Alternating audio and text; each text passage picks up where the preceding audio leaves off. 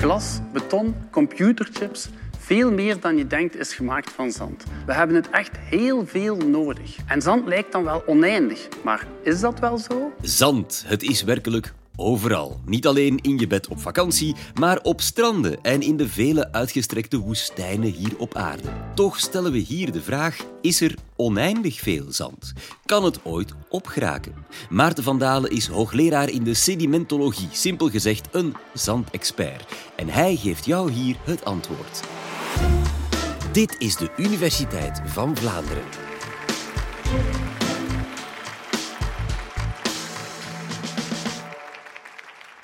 Als ik je zou vragen waar je overal zand kan vinden, dan denk je misschien in eerste instantie aan uw laatste strandvakantie. Of misschien denk je aan woestijnen. Die uitgestrekte duinen in de Sahara-woestijn bijvoorbeeld. Magnifiek toch? En als er op het strand zand ligt, wat ligt er dan onder water? Op de bodem van de zee en de bodem van de oceanen. Die bedekken 71 procent van het aardoppervlak. Is dat allemaal zand? Net zoals op het strand? Is er met andere woorden een oneindige voorraad of hoeveelheid aan zand? Nu, voor we daar iets dieper op ingaan, laat ons eerst even starten met wat zand eigenlijk is. Zand is een korrelig materiaal dat afkomstig is van uh, gesteenten en mineralen. En gesteenten, dat zijn dus stenen en rotsen, en die zijn ook opgebouwd uit mineralen. En mineralen dat zijn in de natuur voorkomende materialen met een kristalstructuur zoals kwarts bijvoorbeeld, maar er zijn er nog heel veel andere. En dat zijn dus materialen die niet organisch zijn, dus niet afkomstig van levend weefsel bijvoorbeeld. Ik ga het proberen verduidelijken met twee voorbeeldjes. Een heel klein stukje van de twijgje bijvoorbeeld, dat is geen zand. Nee, want het is geen mineraal, het is organisch materiaal afkomstig van een struik of een boom of zo. Maar een klein stukje van dit koraal, dat kan wel zand zijn.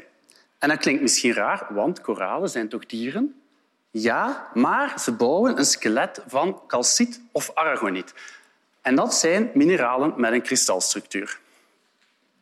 Nu, zijn alle korrels afkomstig van gesteenten of mineralen dan zand? Nee, want de definitie van zand die hangt ook af van de korrelgrootte. Zand bestaat namelijk uit korrels met een grootte tussen de 63 micrometer en 2000 micrometer. Dat is 2 millimeter.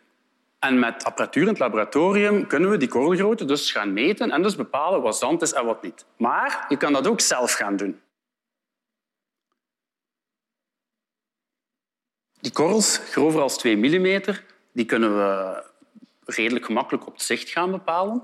Maar ook die korrels van die ondergrens van 63 micrometer, die kunnen we ook zelf gaan onderscheiden. Korrels die nog net grover zijn als 63 micrometer, die kunnen we nog net gaan zien en ook voelen tussen onze vingers. Als we in dit geval hier niks meer voelen of zien, dan is het dus geen zand, maar dan is het fijner en dan gaan we het silt gaan noemen. En nog fijnere korrels zijn dan klei korrels grover dan 2 mm, dat is dan grind. Oké, dus we weten nu wat zand is. Hè? En dat is dus een afbraakproduct van bijvoorbeeld gesteenten en mineralen.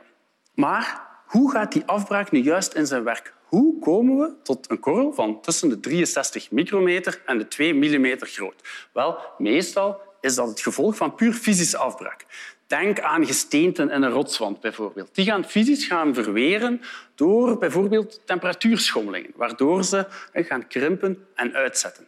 Maar ook vorst bijvoorbeeld. Vorst kan water in een spleetje doen bevriezen en dat ijs gaat uitzetten, waardoor de steen misschien verder gaat barsten of uiteindelijk afbreken.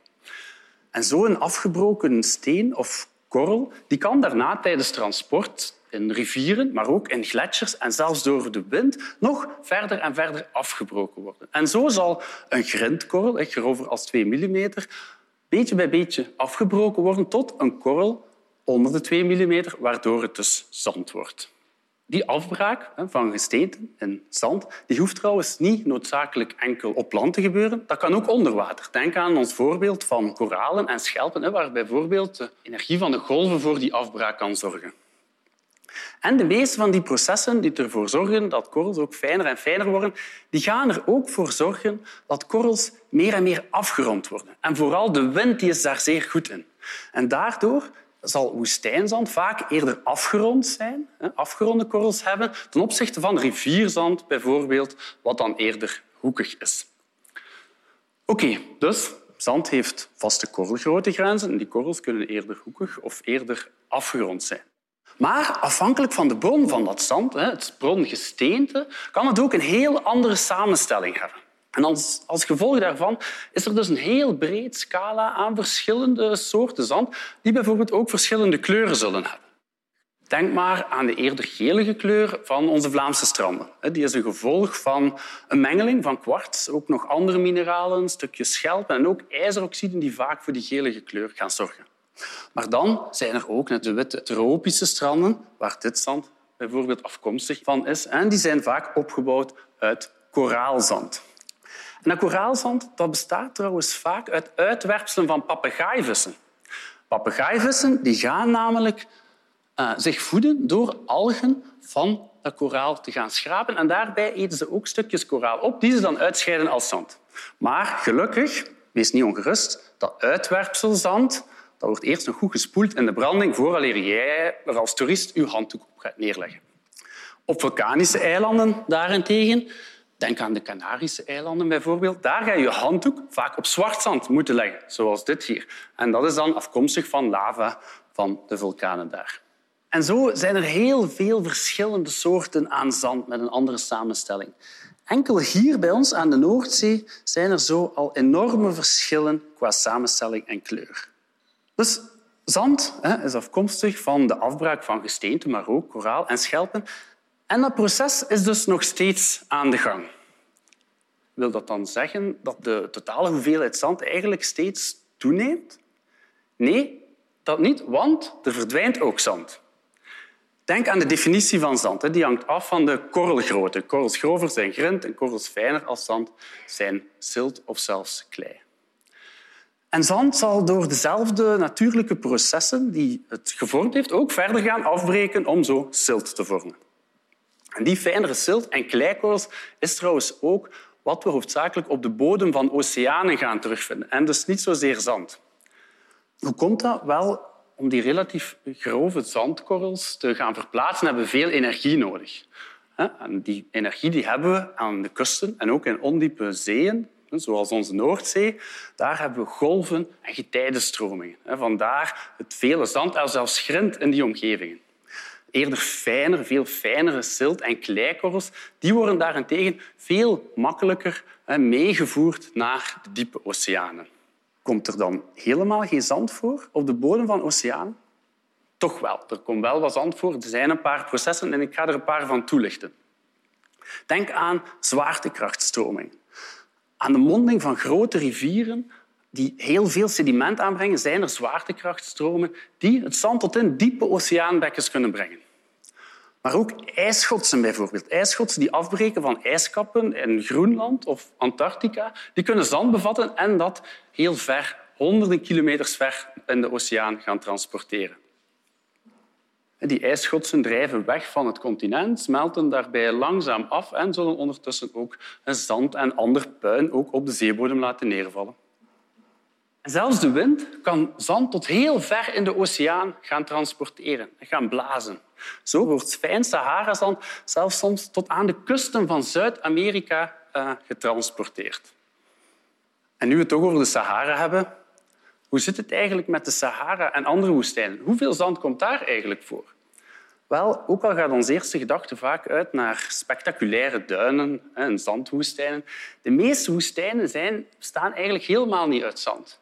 Slechts zo'n 20 procent van de woestijnen op aarde zijn zandwoestijnen. De meeste andere zijn rots- of steenwoestijnen waar nauwelijks zand te bespeuren valt. Maar je hebt het misschien gemerkt, we zijn een beetje afgedwaald. We hadden het eigenlijk over het verdwijnen van zand.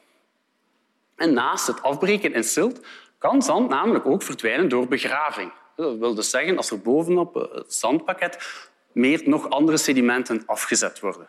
Die andere sedimenten dat kan meer zand zijn of zilt, klei, organisch materiaal enzovoort.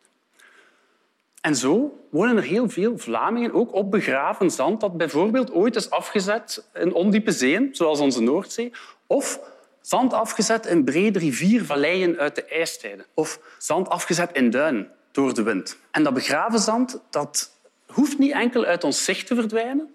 Nee, dat kan ook effectief verdwijnen, want bij begraving kan zand gaan verstenen en zo zandsteen gaan vormen. En bij diepere begraving kan, het onder hoge druk en temperatuur zelfs helemaal gaan herkristalliseren en zo een nieuw gesteente gaan vormen. Dus het idee dat velen misschien hebben over plaatsen waar heel veel zand voorkomt, daar komt vaak helemaal geen zand voor. En anderzijds zijn er ook wel plaatsen waar redelijk wat zand ligt, maar waar we het misschien niet meteen zien, zoals ook in Vlaanderen. En net zoals er zand bijkomt, verdwijnt er dus ook zand door natuurlijke processen. Maar niet alleen door natuurlijke processen. Nee, ook onze eigen menselijke activiteit zal ervoor zorgen dat zand verdwijnt. Zand is namelijk de meest ontgonnen grondstof op aarde. Schattingen gaan tot 50 miljard ton per jaar. En dat komt omdat zand gebruikt wordt voor een hele reeks verschillende materialen en doeleinden. Ik geef een paar voorbeeldjes. Denk aan beton. Beton, waar enorme hoeveelheden zand voor nodig zijn. En niet om het even welk zand. Nee, hiervoor gebruikt men liefst rivierzand. Want, herinner u, rivierzand dat is hoekig en daarom ideaal om sterk beton van te maken. Rivierzand wordt in Vlaanderen trouwens vaak Rijnzand genoemd, omdat dat klassiek in de Rijnregio gewonnen wordt en dus ooit afgezet werd door de Rijnrivier. Maar ook in de glasindustrie is zand cruciaal. Om glas te maken is zuiver kwartszand nodig, wat dan samen met nog enkele andere ingrediënten gesmolten wordt. En in België wordt dat vaak in de regio rond Lommel en Mol uh, ontgonnen.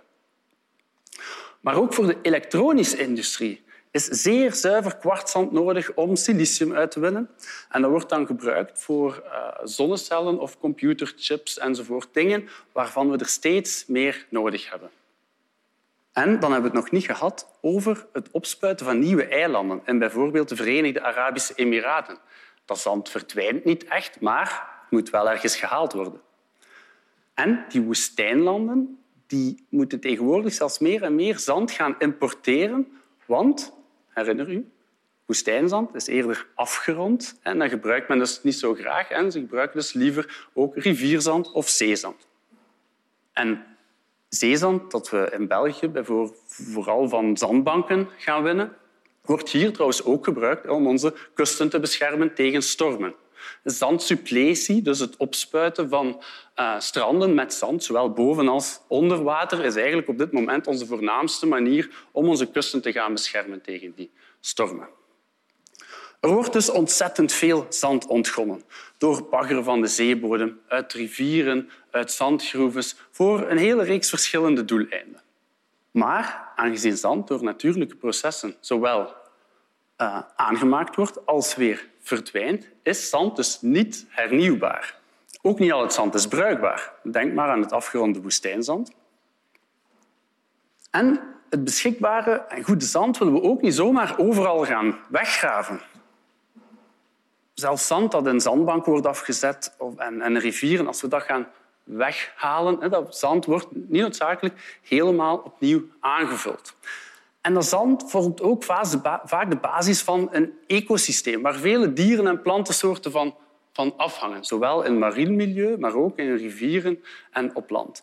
En het weghalen van dat zand dat verstoort hun leefmilieu en daardoor heeft dat daardoor ook een impact op andere soorten, biodiversiteit en uiteindelijk ook op ons. We moeten zandontginning dus verstandig en zo duurzaam mogelijk gaan aanpakken. Dus is er oneindig veel zand? Nee, spijtig genoeg niet. En zeker niet het zand dat we nodig hebben. Voor de meeste toepassingen is er, heel, is er zand nodig met heel specifieke karakteristieken. En ook dat zand willen we niet zomaar overal gaan weghalen.